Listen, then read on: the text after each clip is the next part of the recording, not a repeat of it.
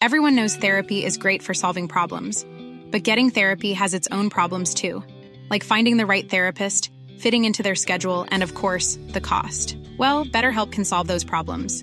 It's totally online and built around your schedule. It's surprisingly affordable too. Connect with a credentialed therapist by phone, video, or online chat, all from the comfort of your home. Visit betterhelp.com to learn more and save 10% on your first month. That's BetterHelp H E L P. Hallå eller och välkomna till ett nytt avsnitt av Öysnack med Sören och Mackan. Det är jag som är Sören. Och det är jag som är Marcus.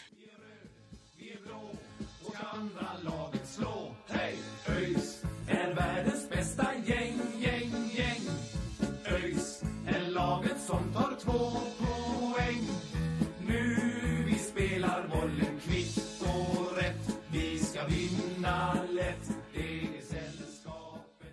Och i dagens avsnitt så kommer vi att eh, prata med en eh, ny spelare i ÖIS som har imponerat stort på oss under eh, både försäsong och säsong och som vi eh, sett fram emot att prata med väldigt mycket. Marcus Haglind Sangré, nummer 22. Så är det. Han har ju eh, imponerat i, i försvaret som en riktig försvarsgeneral. Så vi, eh, vi ska lyssna in vad han har att säga om eh, de första tre matcherna mot Öster, Helsingborg och Trelleborg. Och lite framöver och även lite om, om hans karriär fram till, till ÖIS nu då. Så vi, eh, vi ska väl inte uppehålla er allt för länge utan lyssna in på det. Och sen så, eh, så taggar vi inför eh, eh, Västerås-matchen här nu imorgon och så kommer ett nytt avsnitt i början på nästa vecka där vi diskuterar både Trelleborg och Västerås och matcherna som kommer då. Så blir det. Så eh, vi kör väl igång intervjun med Marcus direkt. Det gör vi. ÖIS är världens bästa gäng, gäng, gäng. Okej, vi välkomnar Marcus Haglind Sangré till eh, Öjsnack. Välkommen! Tackar, tackar. Hur är läget med dig? Jo, det är, eh, det är lugnt. Eh, Det är bra. Man laddar upp inför lördagen ju med match mot VSK. Så att, ja, man tar hand om kroppen och, och laddar upp. Precis, hur, hur ser eh, träningen ut här nu de sista dagarna inför för match? Det är ju vad är det, två dygn kvar ju. Så hur, hur laddar man upp inför en sån match? Uh, idag har vi haft ledigt så att uh, då har man ju verkligen kunnat ta hand om kroppen uh, och vila ut. Det var tuffare träning igår. Då hade vi dessutom lite teori och ja, gick igenom lite kort angående VSK och sådär. Eh, men eh, sen så blir det eh, mer tuffare imorgon. Mer, ja, mer in på detalj om VSK och även hur vi själva ställer upp i, ja, som fasta situationer eller dylikt. Så att eh, mer djupdykning imorgon och eh, ja, sen är det ju bara pang på lördag. Precis. Det blir ju på, på Ulle, Stora Ullevi då med, med gräs. Har ni tränat något på, på gräs inför? Eller hur, hur ser det ut? Eh, gräset som är på Öjsgården har inte varit tillräckligt bra så då har vi ju värderat där och pratat fortfarande om eh, konstgräs och kört på det. Eh, sen så är det nog tillräckligt, hoppas vi på, i alla fall till imorgon tillräckligt bra. Eh, så att, eh, att kunna gå på och köra. Eh, så att, eh, att i alla fall få ett pass där då. Eh, Men sen fick vi ju ett, ett test mot Trelleborg nu med lite mindre bra gräs. Ja, Så, att, så ja, vi har väl i alla fall fått en försmak av hur dåligt det kan vara. Och sen vet jag inte hur det är nu på Ullevi, men jag hoppas ju att det är bättre i alla fall. Ja.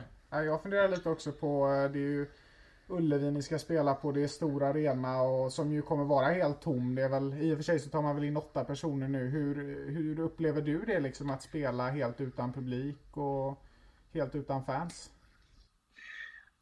Det är ju, alltså det är ju eh, skittråkigt för att eh, prata ren svenska liksom. Det, dessutom med tanke på hur stor arenan är gör ju att det ekar ännu mer tomt. Så att eh, det kommer vara en, eh, nej, det kommer ju vara en, eh, alltså eh, inramningen och allting som skulle kunna vara är ju, eh, ja, det är ju en besvikelse egentligen att det inte kunna ha hänt någonting mer. Mm. Utifrån de förutsättningarna som jag ändå tycker ges med SEPs protokoll som de har tagit fram och jobbat fram. Ja, det, det blir speciellt alltså, men man får ju försöka gå in i bubblan och tänka, tänka på vad matchen ja, betyder. Ja, att, precis. Är det liksom så att man, känner du att du har börjat vänja dig nu vid att spela utan publik? Eller är det så, eller hur liksom, hur hanterar man det när det blir mer långsiktigt utan publik på det sättet liksom? Ja, i, i, i fjol så hade jag ju, eh, då med Akropolis så tänkte jag ju, eller jag tror nästan alla hade en känsla av att de lagen som är vana med mycket publik eh, fick en liten dipp möjligtvis i de här typerna av matcherna där man är van med att kunna ha ja, uppbackning på ett sånt sätt. Mm. sen i Akropolis så har det ju inte varit eh, överbefolkat med publik. Mm. Men, men eh, nej, jag tycker att man, eh, alltså det, det, spelar ingen roll. Man, man, jag hoppas att man aldrig vänjer sig vid att det är eh, så här. Och eh, jag tycker man märker av att att det inte är fans eller publik på plats. Alltså det, det märks. Mm. Uh, så att det, nej, det är riktigt tråkigt att det inte kan hända någonting mer runt omkring. Mm. Ja, vi får hoppas att det, det kommer framöver. Nu är det väl åtta stycken där på, i, på lördag då. Men kan släppa på lite. Man kan få in några hundra i alla fall kanske framöver. Då. Precis, precis. Yes. Vi tänkte att vi ehm, går igenom lite match för match som har, har varit där och, och vi börjar väl eh, första matchen då mot, mot Öster som var på Bravida då, Hisingen. Eh, där tyckte ju vi, vi har ju delat ut matchens lirare i varje match där och där gav vi ju den till dig där. Eh, tyckte du gjorde en, en bra eh, första match. Sen blev det ju tyvärr eh, en förlust. Då, då var inte du inne på plan när målet kom där men, eh, men kan du ta oss igenom lite vad, vad du tycker kring, kring Östermatchen där. Jag tycker att det var en ganska klassisk premiär. Eh, eh, såvida att jag tyckte att matchen egentligen skulle slutat 0-0. Där det är mycket kamp egentligen rakt igenom matchen. Eh, kanske inte något bländande spel från något av lagen egentligen. Ganska chansfattigt. Eh, men eh, ja, vi, vi tyckte ju att matchen låg åt det hållet att det skulle blivit 0-0 och sen så kan man ju prata om tillfälligheter men de utnyttjade i varje fall då när vi var en man mindre. Och jag tyckte inte riktigt att vi fick till någon forcering som kunde ha lett till något 1-1 mål som eh, ah, som gör att man går därifrån med en stor besvikelse. Liksom, att man vet att eh, egentligen inget av lagen borde vunnit matchen kanske. Eh, så att det var väl den spontana känslan direkt efter den matchen att det var en riktig premiär, att det skulle blivit ett kryss. För det, det var ju egentligen vår känsla också. Det liksom mm. stod väl mycket och, och ställningskrig liksom fram och tillbaka så. Eh, och sen tyckte vi såg ju, det har vi väl sett på försäsongen också att Eh, defensiven har väl suttit ganska bra genom hela, hela försäsongen så men det är ju just det är kanske offensiven som som det har brustit lite i även på försäsongen då. Och det som du säger så blev det ingen riktig forcering så på slutet även om eh, kanske framförallt Herman då kom in och gjorde, gjorde några försök och sådär. Och du var ju även uppe på eh, lite mer offensivt i slutet här. Var det, var det liksom ett eh, ett medvetet taktiskt val att skicka upp dig där? Ja, nej men det sa ju, i och med att eh, Dan eh, var hemma, hemma då liggandes i covid så, så sa ju Johan till mig då att vi får försöka lyfta upp. Så att, jag tror till och med Arvid Brorsson gick upp i slutet också. Så att eh, det var nog mer, precis som du säger, ett taktiskt drag att försöka få lite tyngd också i luftrummet. Eh, kunna få fast bollen på sånt sätt. Eh, men eh, nej, det, det, var... Det, var, nej, det lyckades ju inte. Så att, eh, det, vi gick ju därifrån och tyckte att vi kanske, om man ska säga ärligt, förtjänade mer, men bara en poäng. Ni hade ju flertalet eh, coronafall där, eh, inte bara i truppen utan även som du säger, eh, Dane fick ju fick ju Corona där. Hur, hur påverkade det er inför säsongen? Och vad, vad... Ja, det blev ju ett hack. Alltså så är det ju. Vi hade väl en, vad kan det ha varit? Totalt, det måste ju varit mer än sju, kanske sju, åtta dagar eller något sånt som vi inte träffades på överhuvudtaget för att det skulle bli helt eh, ja, risk, riskfritt så att säga.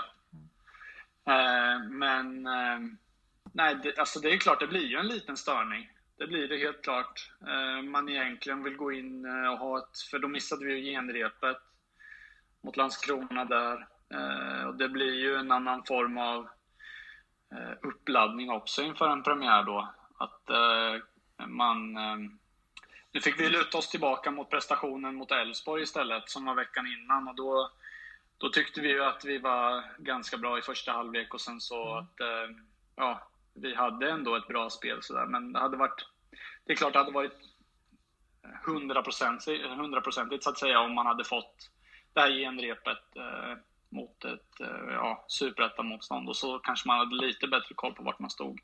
Ja, precis. Och eh, efter den här premiären mot Öster eh, så blev det ju en, en tur ner till eh, Helsingborg. Det var ju en match som eh, kanske inte fick ett resultat som var positivt alls. Men jag tyckte personligen ändå, det tyckte du också Marcus, eh, att, att vi spelade ganska bra stundtals när vi, när vi kommer i, i rätt lägen. Liksom och det fanns delar av matchen som, som kanske var lite positivare. Vad tog ni med er som var positivt som ni kunde jobba vidare på efter Helsingborgsmatchen? Ja, framförallt, eh, det är som du säger, jag tyckte att vi, vi lyfte oss eh, spelmässigt väldigt mycket jämfört med matchen mot eh, Öster. Att, ehm, ja, men Helsingborg är ju en stor favorit i år, att vi lyckas trycka ner dem. Det finns ju statistik på att vi lyckades ha ett väldigt bra eh, omfattande liksom bollinnehav. Sen eh, pratar man mycket om det här med bollinnehav, att det kanske inte är någon direkt eh, ja, påvisande liksom effekt på att vinna en fotbollsmatch. Men i alla fall att eh, Helsingborg som är så pass stor favorit som kanske inte ville helst jobba så mycket defensivt som de ville utan kanske ville tvärtom trycka ner oss. Eh, fick jobba så mycket defensivt. Det är, alltså det är ett positivt eh, tecken för oss i varje fall. Mm. Eh, framförallt i första halvlek tyckte jag. Eh, sen är det olyckligt att de får ett mål ganska tidigt. Jag vet inte om det var i 50 minuter eller något liknande. Men att vi skulle, det är så här mycket skulle, men vi borde ha gått in i halvtid med ett resultat som var 0-0 och gett oss bättre förutsättningar för andra halvlek. Eh, och sen att vi skapar, jag tycker att vi är lite mer direkta i den matchen, skapar lite mer så här, eh, eh hamnar i mer offensiva och farliga positioner tycker jag. Mm. Eh, så att, eh, nej det var ett klart steg framåt. Mm. Ja men verkligen och det känns ju baserat på, på matcherna vi har sett här nu att, att spelsystemet som ni bygger på stämmer mer och mer liksom för varje match. Eh, delar du också den uppfattningen? Nej, absolut. Mm. Det delar jag absolut. Eh, det tycker jag verkligen. Mm. Men den eh, sen liksom Ni kom ju in där i andra halvlek då fick väl ja, Helsingborg Det var väl lite olyckligt där med Med var det Arvid då som styrde in 2-0 målet men det kan man ju inte Det kan man inte lasta honom för riktigt utan det Han får ju sätta fram en fot och, och och hoppas på det bästa liksom. Mm. Men och sen fick ni ju reduceringen där men sen blir det ju utvisning då på Paulsson. Eh, det är egentligen där eh, som vi tycker att matchen eh, ja. går över till Helsingborgs fördel och det är ju som du sa också där liksom innan Innan det så har ni ju bra koll tycker jag och liksom 4-1 speglar kanske inte riktigt matchbilden fram till eh, utvisningen då. Men sen efter så, så tog ju de över mer ganska naturligt. Tycker jag i alla fall. Ja, ja precis. Eh, Sen generellt, våran inställning att eh, ja, men ligger vi under med 2-1 eh, och får en man utvisad så vill vi fortfarande gå för en vinst. Vi vill ju inte, för, alltså, vi vill ju inte eh, försvara en 2-1, att ett 2-1 underläge. Det är inget att försvara. Vi vill ju gå för att vinna matchen eller ta poäng. Eh, så att inställningen efter eh, Polles utvisning var ju mer där att även fast vi var en man mindre så eh, vill man ju gå för att, att, vinna matchen eller ta poäng och då, då är det klart att det, har man inte det här riktiga momentumet som vi hade innan eh, så kan det ju resultera i mål och det gjorde det ju för deras del. Ja precis och det tycker jag är väldigt eh, personligen är en väldigt bra inställning att man alltid går för vinst. Det blir ju en mer eh, händelserik fotboll på det sättet. Så att eh, det är ju roligt att höra att det, att det är så ni, så ni resonerar kring det. Det är spännande. Mm. Om vi går vidare sen på... Eh, det var ju ytterligare en match då i, i Skåne där några dagar senare. I Trelleborg. Eh, och de inledde ju med en fruktansvärd press alltså. Eh, hur hanterar man eh, en sån? Eller var ni förberedda på det på förhand? Nej, egentligen inte så pratade vi inte ganska, alltså vi pratade inte jättemycket om att, eh, att vi skulle vara mer eller mindre förberedda på att de skulle pressa högt, utan vi utgår ju från att det är många lag som vill pressa högt eh, med tanke på vilket sätt vi vill spela fotboll också. Att vi rullar redan från målvakt, det, alltså det, det, det ger ju möjligheter för andra lag att pressa högt. Eh, Men samtidigt också oss eh, möjligheten att eh, ja, såra dem desto hårdare då med tanke på att det inte är så många spelare kvar på deras egna planhalva sen. Men det var ganska mycket yttre förutsättningar också som gjorde att vi valde att tänka om, att förlägga alltså vårt offensiva spel högre upp.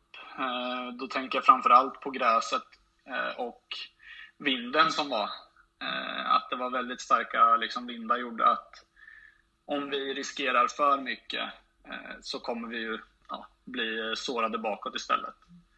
Så nej, då, då tänkte vi om. Eller det var framförallt Arne som sa ganska tydligt, för jag tror vi hade ett försök att spela ut bollen.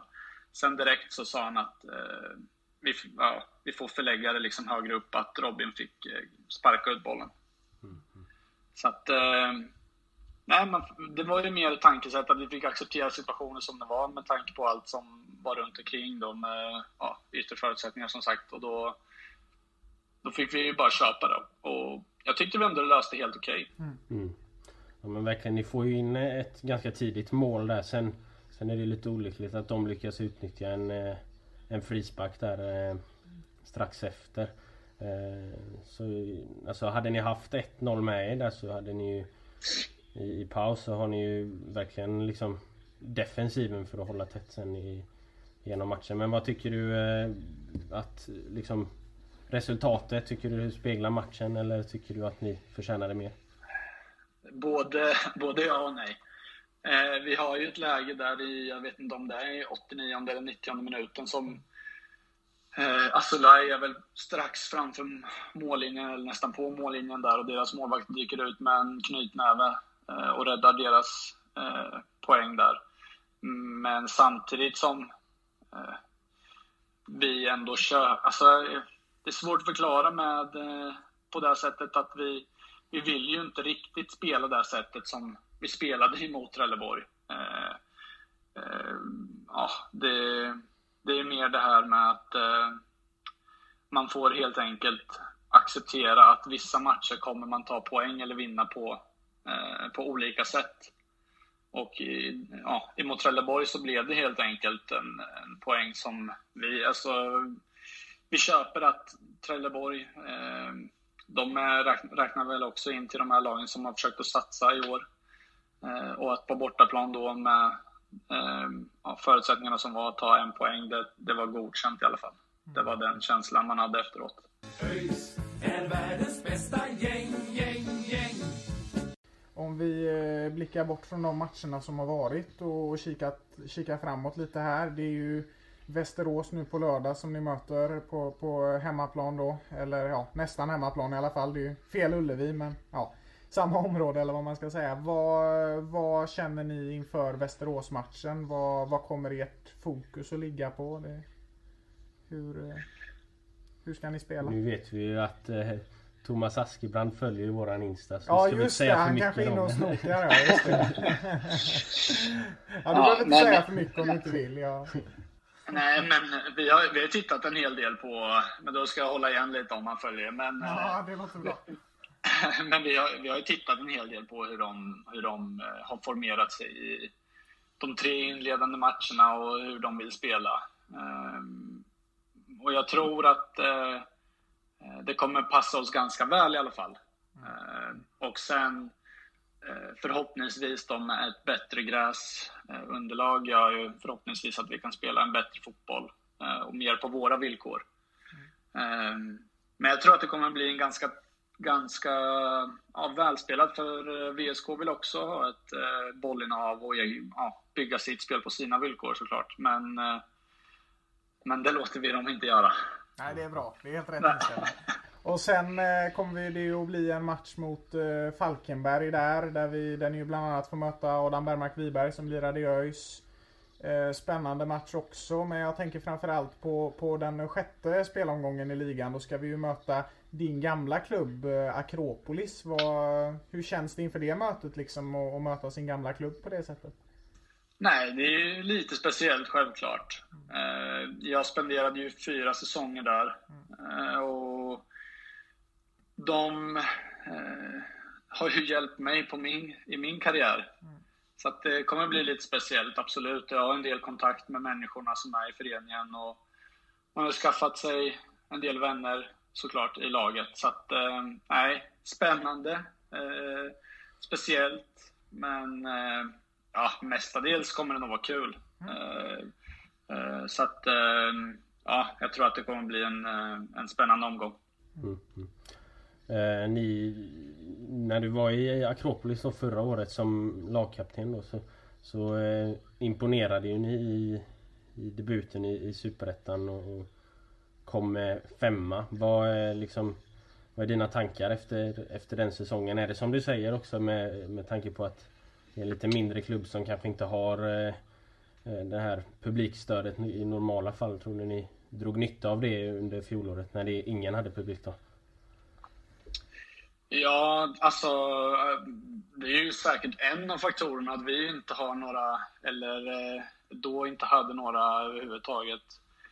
Eh, man fick ju dra, man fick ju dra sin egna motivation till, till varje match hela tiden. Och bidra till gruppen och inte förlita sig på att någon annan skulle kicka igång någons adrenalin eller liknande utan hela tiden bara pusha inåt mot eh, gruppen och så. Mm. Så att eh, det, det, var som vi sa i början här med att man, man har olika vana för att spela med lite publik eller ingen alls. Eh, och den hade ju eh, ja, jag tror att det nästan är identiskt, eh, identisk trupp då som var med i division 1 och tog upp laget i Superettan. Så att eh, i division 1 var det ju inte heller speciellt mycket publik året innan. Mm. Och då, då är det ingen större skillnad egentligen att gå upp, eh, gå upp en serie utan något överhuvudtaget. Mm. Ja precis och, och Akropolis som, som klubb är ju något som har eh, fascinerat oss båda liksom eh, senaste åren och jag tänker du som har varit med sedan 2017 är det va? I, i klubben liksom vad vad skulle du säga har gjort att Akropolis har gått från en, en ganska liten klubb i division 1 någonstans till att ändå vara ett topplag i superettan? Vad är det ni har förändrat som har fått det att funka så bra? Eller vad var det ni förändrade kanske? Nu, nu är du ju här men ja, du får ja, Jag förstår vad du menar.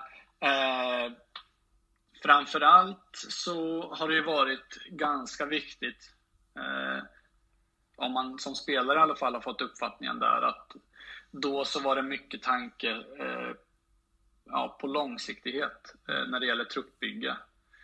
Eh, att hela tiden ha en stomme som eh, ja, drar det stora lasset eller på något sätt hela tiden är de som eh, bidrar till att... Eh, för att alla de säsongerna som vi spenderade i division 1 då var vi ändå ett topplag. Eh, Eh, och vi var hela tiden och nosa på ja, avancemang. Så att, att, hela tiden ha en stark kärna tror jag har varit eh, ja, nyckeln så att säga. Eh, och att kunna behålla den truppen upp sen till eh, superettan. de byggde egentligen, kan jag känna, de byggde egentligen ett starkt superettanlag i division 1. Mm det året som det blev avancemang. Och att kunna bibehålla det eh, sedan i, i Superettan och, och göra ett bra resultat. Det, alltså det, det här med gruppdynamik och allting sånt. Man behövde inte tänka om på något sätt, utan allting fanns redan där. Alla kände varandra, alla visste hur man spelade tillsammans. Eh, så att eh, det var helt klart i alla fall ett framgångsrecept tror jag. Ja, jättespännande. Nej, men det känns ju som en, som en klubb som har ett ganska liksom, professionalistiskt tänk. Det känns som att Akropolis har en ganska klar plan liksom för, för vart, någonstans, eh, vart någonstans de vill. Och det är ju väldigt fascinerande det du säger att man, att man verkligen satsade långsiktigt och kunde bygga upp någonting som ändå blev framgångsrikt i, i Superettan då, tänker jag. Så att eh, det är fascinerande. Mm. Eh, det, det känns ju också som eh, någonting eller vad vi har fått intrycket, vi pratade ju med Anton Andreasson här också. Att det är lite liknande tänk som, som ni har i ÖIS nu. Är det, håller du med där?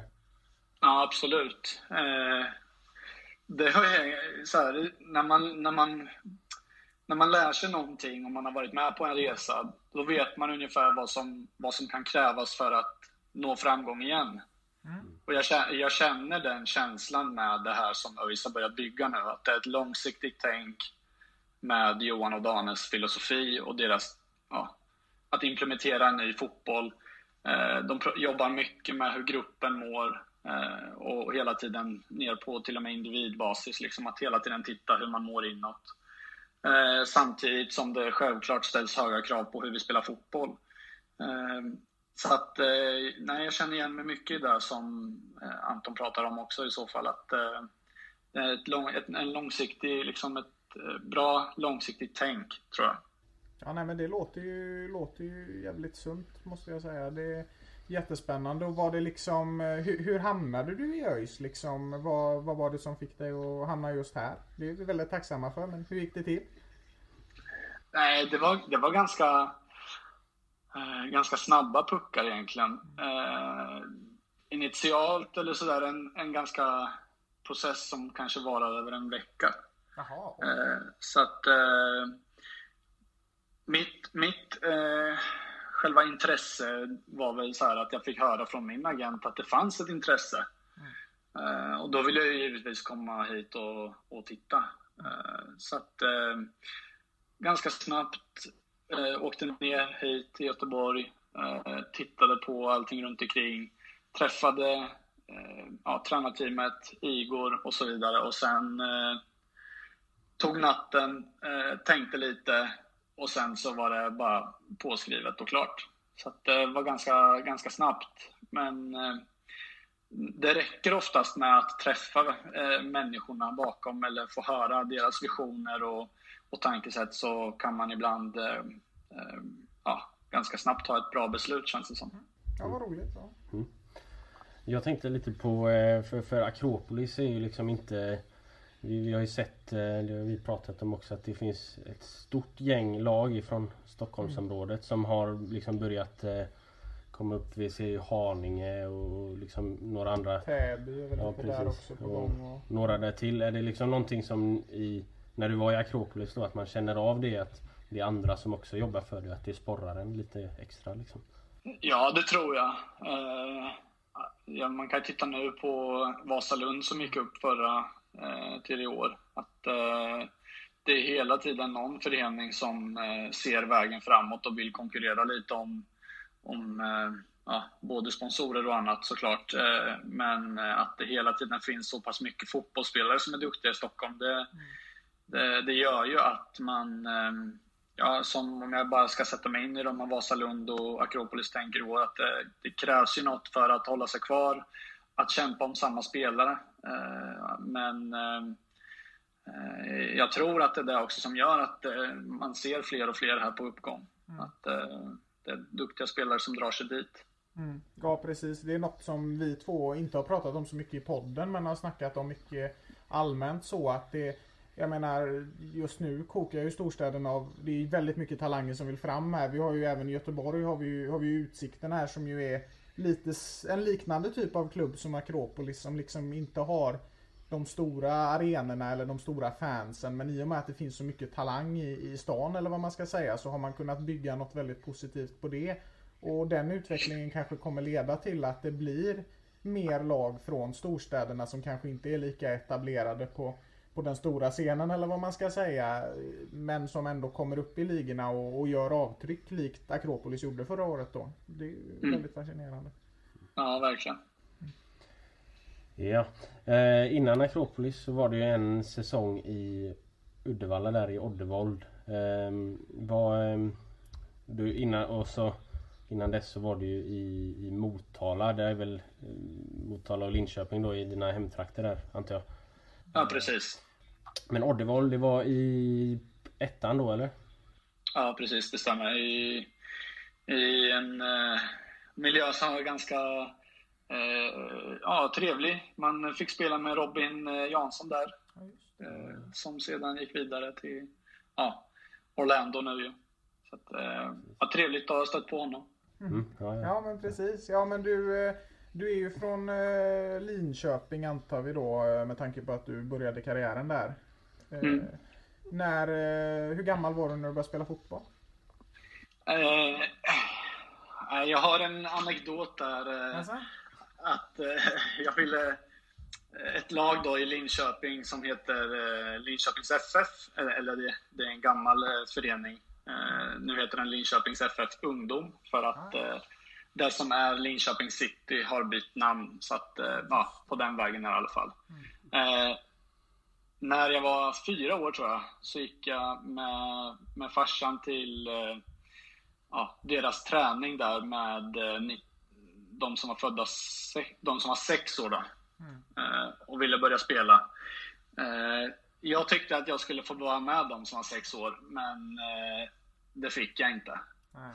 Så, så jag, jag ville ju ha börjat spela fotboll då i alla fall som fyraåring aktivt. Men jag fick vänta ett år eh, då eh, min pappa startade ett lag i, i eh, BK Derby. Så att det, var, det var lite så här att för att komma igång tidigare så fick man starta ett lag. Mm. Ja. Så, att så, så var det som femåring. Ja, Men sen så, så var du väl i, i Malmö då i junior... eh, I akademin där va? Ja, precis. Hur, eh, det är ju ändå, det får man väl säga, det är ju Sveriges största klubb liksom. Hur, hur var det att, att spela, spela i, i akademin där? Jag, jag har sagt det förut att det, då är det nog första gången som jag har känt, om man eh, tittar på klubbnivå, så här, att det är första gången som man känner en, eh, att en elitförening kretsar kring prestation och ja, att det gäller att prestera bra. Eh, varje dag, varje träning, varje match. Eh, så att eh, det är många, många spelare som har stött på där som, ja, det är rullians på det liksom i, i Malmö. Från U17 eh, upp till U19, U21. Att Det, det, ja, det går ju ut på att de försöker hitta de bästa spelarna hela tiden. Eh, Och presterar du inte tillräckligt bra så är det någon annan som tar din plats. Alltså så, så funkar det verkligen i de unga åldrarna också. Ja, det, ja, ja, nej men du, du var ju och är fortfarande talangfull. Det blev ju några landslagsmatcher där eh, i, i U17 också. Ganska många till och med vad vi kunde se. Hur, eh, hur var den tiden där när man var liksom ung och fick spela U-landslagsfotboll och sådär? Det måste ju ha varit väldigt eh, motiverande och så liksom. Ja, alltså det var ju... Eh, det var ju så här man... Eh, man kom ifrån en... För då spelade jag i division 3 med FK Linköping hette det. Och sen att då komma in till ett pojklandslag där spelarna kom ifrån de här fina elitföreningarna. Eh, är Kristoffer Olsson och Mamer Tankovic och de här duktiga spelarna. Eh, komma in och, konkurrera med dem. Eh, så nej, det har ju varit en, en jättebra lärdom att ta med sig hela karriären nu. Att, eh, att eh, man har fått se och vara med om mycket. Ja, ja precis. Och, och jag tänker att det har ju kanske gett dig lite dubbla perspektiv också när du kom från division 3 där och fick spela med dem som, som hade kanske skolats lite mer i, i proffsklubbarna. Du har ju dels spelat i liksom en, en klubb, eller lite mindre klubbar där division 3 och även varit i Malmös eh, ungdomsakademi. Så du kanske känner lite så att du har fått väldigt så, eh, vad ska man säga, dubbla syner på, eh, på fotbollen. Kan man, Ja, kan man säga. ja nej, men absolut. Eh, man, jag är i alla fall van vid att jobba ganska smått, eller med små medel. Eh, så att eh, det tror jag att man in, Jag har aldrig blivit bortskämd på det här sättet, mer än då kanske möjligtvis i Malmö då. Att eh, hela tiden ha toppförutsättningar, utan man har fått jobba med små medel och hela tiden skapa sig själv de bästa förutsättningarna för att lyckas. ÖIS är världens bästa gäng, gäng, gäng. Eh, Vi ställde ju några frågor där på Insta så fick vi åtminstone eh, två eh, frågor som var av någon kvalitet i alla fall. Men eh, vi, då är det från en eh, ska vi se, Josefin Utbult Karlsson som undrar om du har något smeknamn i laget? Eh, nu, nu har det faktiskt blivit Big Mac. Du kallar ju jag Mackan här ibland också. Så att, eh, det, det var Lucas Browning där. Han har ju sina grejer för sig och då så började han ju kalla mig Mac från början men eh, då så blev det Big Mac sen. Ja, det är så. Är det, är det Browning som är skojaren i laget eller? Ah, Han har en del eh, grejer så här som man kommer på eh, Ja, ja. lite un, under radarn när han är skojare. Ja, ja, ja. det ser man. Ja, vi har ju fått in eh, en annan fråga här från eh, Katlavi, tror jag man uttalar det. Som, som eh, jag vet inte hur mycket har det- har med fotboll att göra, men eh, han eller hon undrar om du kan backa med släp. Jag tänker vi måste ju ställa den om, de har skickat in. Nej, eh, det, det skulle vara en utmaning för mig, det kan jag säga. Jag vet inte om jag är duktig på det eller inte. Men det är Nej. ingen, eh, ing- inget jag är vidare bra på i så fall. Ah, Okej, är kul Sen att har- du svarar i alla fall. Eh, Sen har vi ju Isak Jackson då som undrar om du spelar football manager. Nej, tyvärr inte. Där har jag faktiskt en liten anekdot. Jag spelar ju football manager och gjorde med, med ÖIS då. Och så, eh, så eh, värvade jag in dig till ÖIS och så ett par dagar senare så blir du eh, presenterad för ÖIS. Och då hade jag hade ingen aning om det liksom. Nej, det. Och så innan Ja. det så värvade jag in Robin Wallinder och så blir han presenterad dagen efter. Så det, ja. Jag vet inte, Ja. det är lite synsk där kanske. Det är du som styr ÖIS under radarn egentligen. ja, precis. Ja, det är en liten sportchef i dig. Exakt, exakt.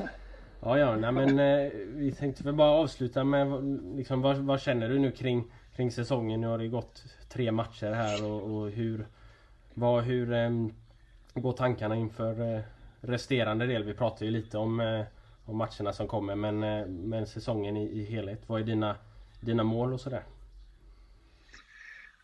Eh, jag, eh, jag tror att vi har ganska eh, goda möjligheter till... Eh, alltså, utvecklingspotentialen är ju enorm, tycker jag, i laget. Eh, att, man kan, eh, att man kan se på ja, men, eh, varje match, har vi pratat om nu, att man kan se framsteg. Att vi, eh, ja, vi, vi har lärt oss nu på bara tre matcher hur man kan ta poäng eller hur man kan förlora poäng och vad vi måste bli bättre på. Ehm, så att jag tror att eh, utsikterna i alla fall för laget är, goda, det tror jag. Och jag hoppas det. Ehm, det känns som att vi är in, alltså, även fast vi har förlorat två matcher här nu och liksom inte tagit någon seger så känns det inte som att eh, det är helt dött eller man ska säga i gruppen. Utan det är mer det här att vi har knutit näven och, och vi ser vad vi måste bli bättre på och vi jobbar på det hela tiden. Mm. så att eh, eh, Sen vet jag inte om vi har någon så här eller om jag ska säga någon placering eller så eller något mål så. Utan det är mer att man känner så här att eh, vi är ett lag som hela tiden driver och vill framåt och bli bättre hela tiden för varje match. Oavsett om vi möter Helsingborg eller något annat lag så, så kommer vi försöka att ja, spela fotboll på våra villkor. Eh, så att det är nog det som är mest positivt, att oavsett vilket lag vi möter i år så kommer vi spela fotboll utifrån vad vi vill, inte utifrån att vi ja, åker och är rädda för ett motstånd. Nej. Nej men det låter, låter spännande. Jag tänkte fråga, eller att vi frågar dig samma fråga som vi frågade Andreasson. Eh, om eh, du fick välja någon i laget som eh, hade fått göra en intervju med oss som du tror att det hade varit spännande att prata med. Vem, eh, vem hade du tagit då? Jag tror jag hade valt Herman då. Ja, ja. Ja, men det är spännande. Mm. Så att, eh, han, eh, han tror jag skulle vara intressant att lyssna på. Ja, det hade varit spännande. Ja, vi får, får höra av oss till honom. Det hade vi också tyckt var jättespännande. Så att, eh, Han är välkommen. I alla spelare såklart.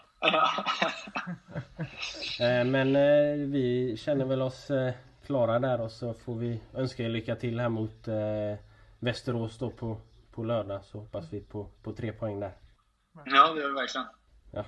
Tack för att du ville vara med. Ja, tack själva. Det var riktigt kul. ÖIS är världens bästa gäng.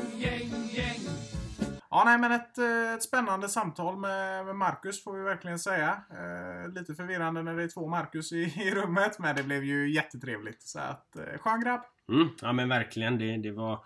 Kändes som han hade fötterna på jorden och, och verkligen, eh, verkligen kunde ge oss lite, lite bra eh, analyser om hur det känns inom laget efter de här inledande matcherna och sådär. Så det, nej, det var jättekul. Ja, verkligen. Och väldigt eh, spännande också tyckte jag att han beskrev att eh, Akropolis, det han såg i Akropolis som gjorde dem till en storklubb, ser han i ÖIS som gör att kanske vi kan bli en storklubb och det långsiktiga tänket och allt vad han pratar om. Eh, jättespännande, jättekul. Mm. Ja men verkligen. Och så får vi hoppas att det bär frukt redan imorgon då mot Västerås. Det håller vi tummar och tår för och så får ni ha det gött tills dess. Ha det gött! Hej! Nej. Vi är blå och ska andra laget slå. Hej! ÖIS är världens bästa gäng, gäng, gäng. ÖIS är laget som tar två poäng. Nu vi spelar bollen kvitt och rätt. Vi ska vinna